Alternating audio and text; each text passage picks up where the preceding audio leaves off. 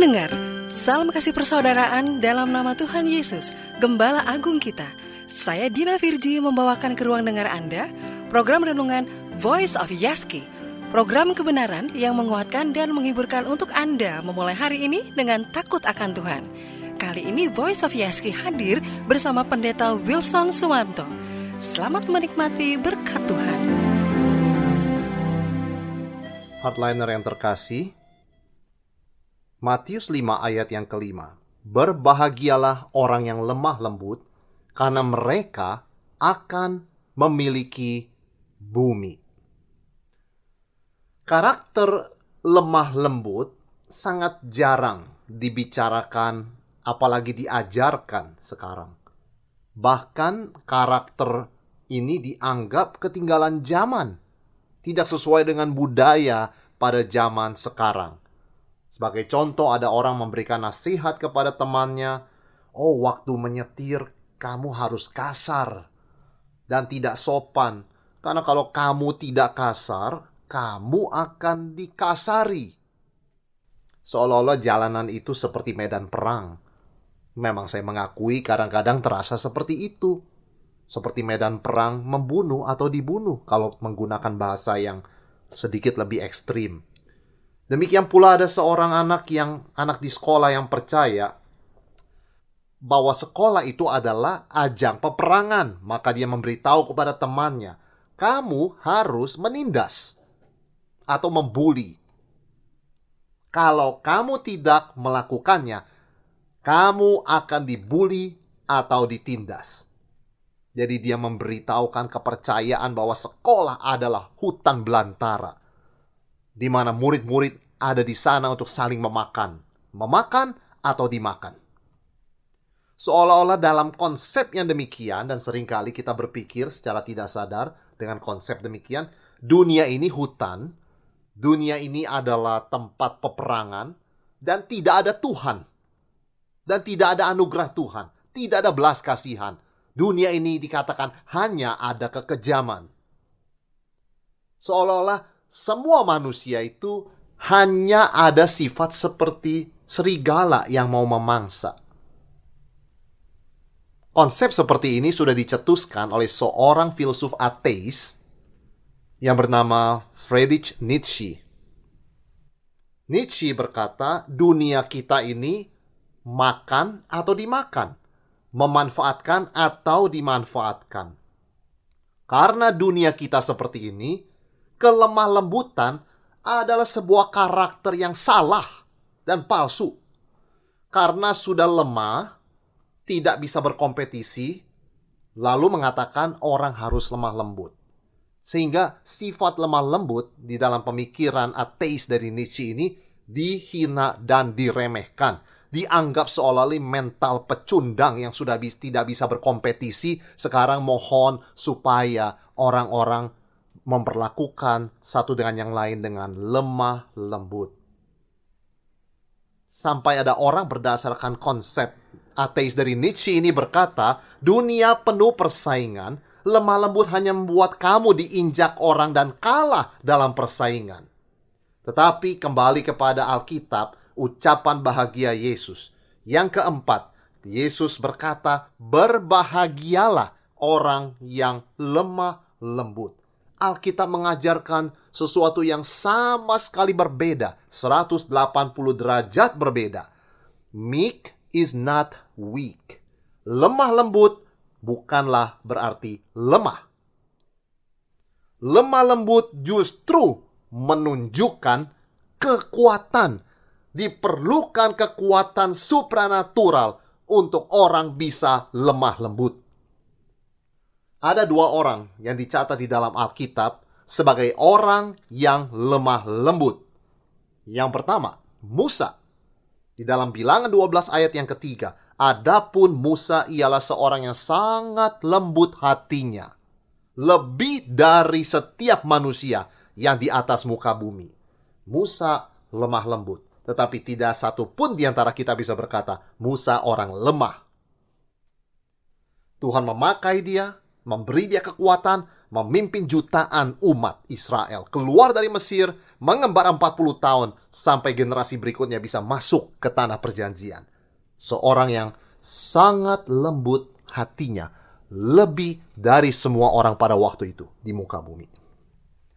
Yang kedua, Tuhan kita Yesus Kristus. Matius 11 ayat 29 Yesus dengan terus terang berkata tentang karakternya. Pikulah kuk yang kupasang dan belajarlah padaku karena aku lemah lembut dan rendah hati dan jiwamu akan mendapat ketenangan. Yesus Kristus, Tuhan Juru Selamat, dengan kekuatan ilahi memikul dosa, naik ke atas salib, bangkit dari kubur. Yesus Kristus bukan orang lemah, tetapi dia mengatakan, aku lemah lembut. Musa dan Yesus Kristus bukanlah orang-orang lemah mereka menghadapi tekanan, penderitaan, apalagi Tuhan kita Yesus Kristus menghadapi pengadilan yang sangat tidak adil dan dia berbicara dengan tegas dan terus terang di hadapan penguasa-penguasa pada waktu itu. Pilatus, Herodes, pemimpin-pemimpin agama. Kristus tidak lemah. Dunia hanya mengenal kuat atau lemah, makan atau dimakan. Tetapi dunia bisa berpikir dalam dualisme ini saja karena mereka tidak kenal Tuhan. Mereka tidak punya Tuhan. They are godless. Karena tidak ada Tuhan, maka hanya ada menang atau kalah, membunuh atau dibunuh, makan atau dimakan. Bahkan sampai banyak orang berpikir dan mengajarkan anaknya untuk survive. Untuk kamu bisa maju, kamu harus menyingkirkan orang lain. Kamu harus merampas. Kamu harus memakan. Kamu harus memaksa supaya dapat keinginanmu. Kalau tidak, tidak ada harapan bagi kamu bertahan hidup atau survive. Tidak demikian dengan orang yang berbahagia di dalam Kristus. Kebahagiaan yang Yesus ajarkan adalah pemberian Tuhan, termasuk kelemah lembutan. Hanya seorang yang diberi kekuatan dari sorga bisa lemah lembut tanpa menjadi lemah, dan bisa kuat tanpa menjadi kasar dan egois. Kita bisa lemah lembut, gentle, tanpa menjadi weak atau lemah.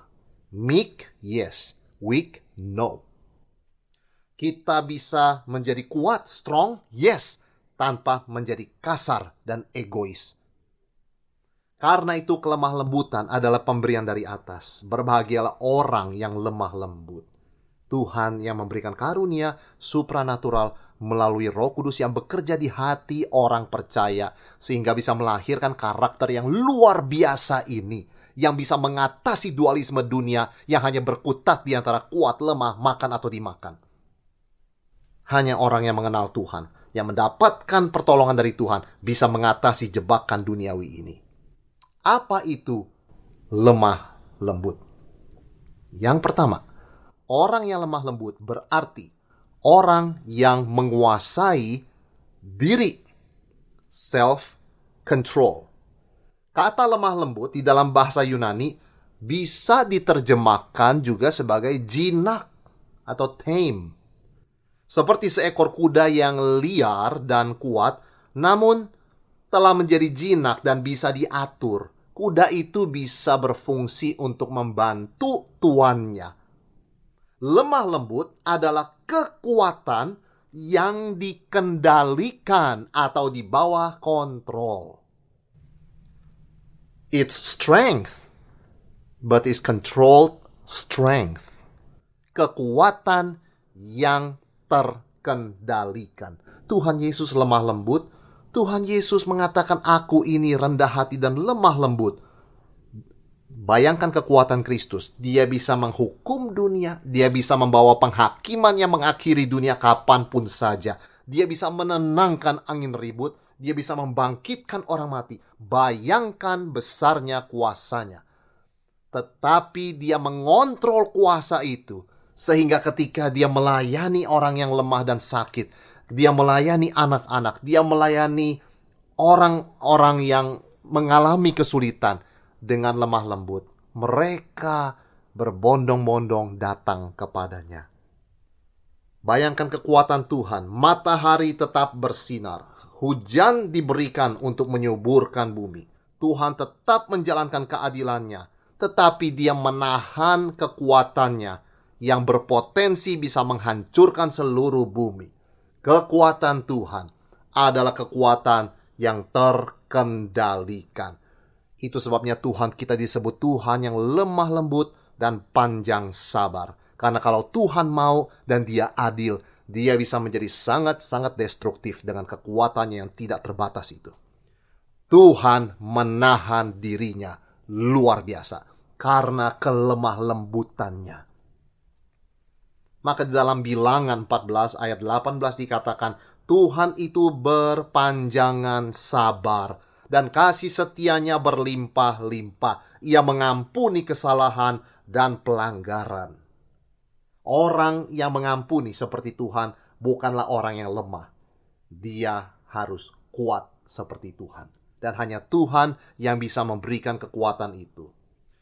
Seorang pria yang kuat secara fisik, namun selalu menahan diri terhadap istri dan anak-anaknya, sehingga dia selalu lemah lembut memperlakukan istri anak-anaknya. Kita mengatakan dia gentleman. Dia bisa menggunakan kekuatan fisiknya untuk kasar dan keras terhadap istri dan anak-anaknya, tapi tidak pernah sekalipun dia melakukan itu, sekalipun dia punya potensi demikian dan alasan untuk melakukannya. Dia tidak melakukannya. Dialah gentleman, dia gentle husband, dia seorang pria yang lemah lembut. Seorang yang lemah lembut adalah seorang yang kuat, tetapi dia juga kuat menguasai yang paling sulit, yaitu dirinya sendiri, emosinya, hawa nafsunya. Seorang teolog, Leon Morris menulis, lemah lembut adalah kualitas seorang yang kuat. Yang bisa memaksakan kehendaknya tetapi memilih untuk tidak melakukannya. Memaksakan kehendak dan kasar bukanlah karakter Kristen. Kasar dan menindas adalah bukti ketakutan dan kelemahan. Tidak bisa menguasai emosi, tetapi dikuasai atau diperbudak oleh emosi, hawa nafsu, dan tidak berdaya membendungnya. Ini adalah kelemahan orang yang kasar, orang yang sangat-sangat lemah. Orang yang lemah lembut adalah orang yang sangat kuat. Lemah lembut adalah kekuatan, karena yang paling sulit diredam dan dikontrol adalah diri sendiri. Untuk bisa lemah lembut, orang harus punya kekuatan untuk sabar dan menahan diri tidak membalas perbuatan orang lain yang merugikan dirinya. Maka dikatakan orang yang bisa menguasai dirinya lebih hebat dari pahlawan yang menang di medan perang. Tuhan Yesus menyatakan bahwa dirinya lemah lembut, artinya dia memikul kesalahan, kejahatan, dan dosa manusia di dalam dirinya dengan sabar, dan dia di dalam keadilannya bisa membalas dan menghukum dan dia punya kuasa dan hak untuk melakukannya karena dia kudus. Tetapi Kristus menahan, memikul, menguasai dirinya, memikul ketidakadilan dan dosa dia sampai dia di atas salib. Penghakiman seharusnya jatuh kepada orang yang selayaknya menerimanya, mereka yang berbuat dosa. Mengapa ini jatuh kepada Yesus? Bukankah ini tidak adil? Tetapi Kristus memikul ketidakadilan yang manusia lakukan terhadap dirinya dengan sabar. Bahkan perkataan pertama yang Kristus keluarkan di atas salib ketika dia diperlakukan dengan tidak adil dan sangat kejam adalah Ya Bapa. Ampunilah mereka karena mereka tidak tahu apa yang mereka perbuat sebuah doa yang lahir dari kelemah lembutan yang berusaha mengerti orang-orang yang menyalibkan dia bahwa mereka tidak tahu apa yang mereka perbuat. Juru selamat kita adalah juru selamat yang lemah lembut. Sejak dia lahir di palungan di Bethlehem sampai detik terakhir hidupnya di Bukit Golgota, Dia dengan sabar memikul kelemahan manusia. Dia tidak menggunakan kekuatannya untuk membalas meskipun dia berhak. Dia memikul kesalahan mereka dan penghakiman Tuhan atas kesalahan mereka sampai di titik akhir di atas salib. Seluruh hidup Tuhan Yesus adalah demonstrasi kelemah lembutan dari awal sampai akhir. Meekness. Juru selamat kita juru selamat yang lemah lembut, gentle shepherd, gembala yang lemah lembut. Kita harus mengakui kita masih hidup di dalam dunia. Bisa terjadi orang berkata, berbuat yang salah terhadap kita, memanfaatkan kita, merugikan kita, bahkan mau menyakiti kita. Bukan berarti kita menjadi naif dan tidak melakukan tindakan yang melindungi diri kita, tetapi ketika kita mendengar tentang lemah lembut seperti Kristus, itu berarti kita sabar menanggung semua itu tanpa harus membalas. Sulit? Ya, sulit. Tidak mudah, karena itu karakter lemah lembut bukanlah kemampuan manusia atau bakat yang dibawa sejak lahir atau karena kebudayaan yang memberikan itu kepada kita.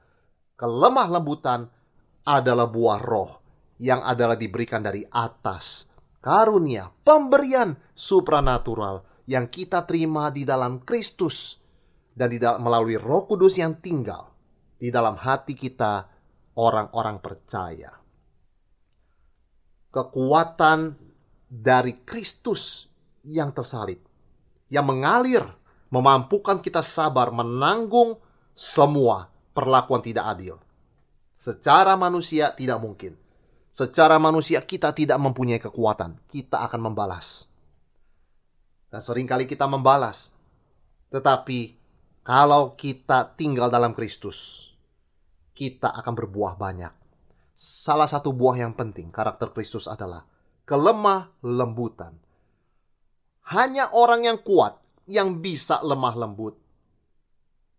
Hanya orang yang tidak kuat atau yang lemah hanya bisa marah dan membalas dan meledak sedikit saja ada perkataan orang yang dirasa tidak cocok. Dr. Martin Lloyd Jones berkata, kita harus heran dan bertanya, mengapa Tuhan mau lemah lembut dan sabar terhadap saya? Saya penuh kelemahan dan banyak berbuat kesalahan. Mengapa Tuhan tetap lemah lembut terhadap saya? Renungkan hal ini, kata Dr. Martin. Renungkan hal ini maka kita beroleh kekuatan dan semangat untuk bersikap lemah lembut. Tanya pertanyaan ini, mengapa orang lain begitu sabar kepada saya? Tanpa kita sadari, begitu banyak orang di sekitar kita tidak membuka mulut mereka, mengeritik perbuatan kita. Kita merasa mereka takut, mereka sungkan, tetapi bayangkan betapa besar mereka menguasai diri mereka untuk tidak bersikap kasar kepada kita, betapa mereka berusaha menguasai diri sehingga mereka tetap lemah lembut dalam perlakuan mereka terhadap kita. Kita sering berpikir bahwa kitalah yang menahan diri dan sabar kepada orang lain. Kita yang lemah lembut kepada orang lain. Kita lupa.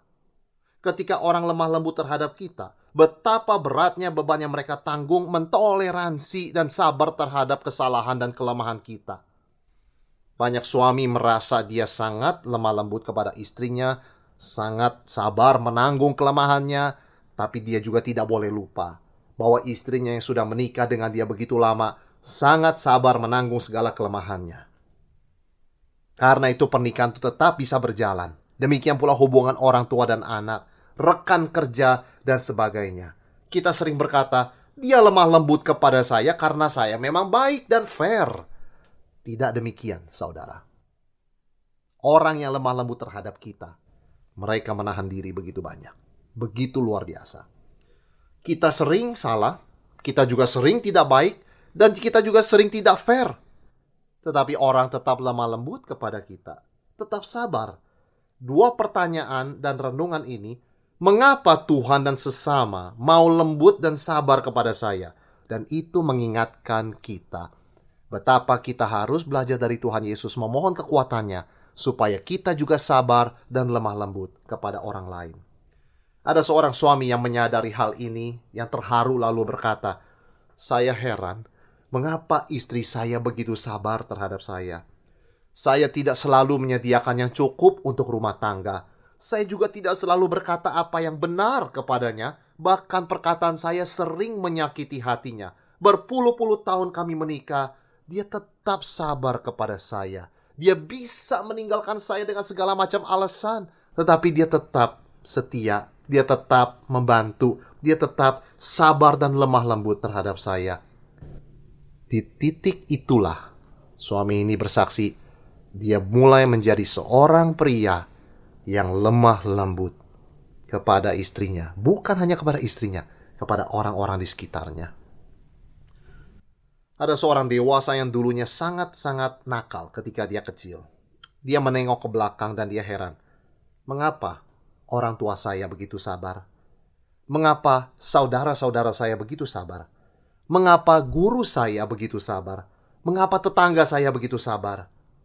Semakin dia merenungkan itu, semakin dia diubahkan oleh Tuhan menjadi orang yang lemah lembut.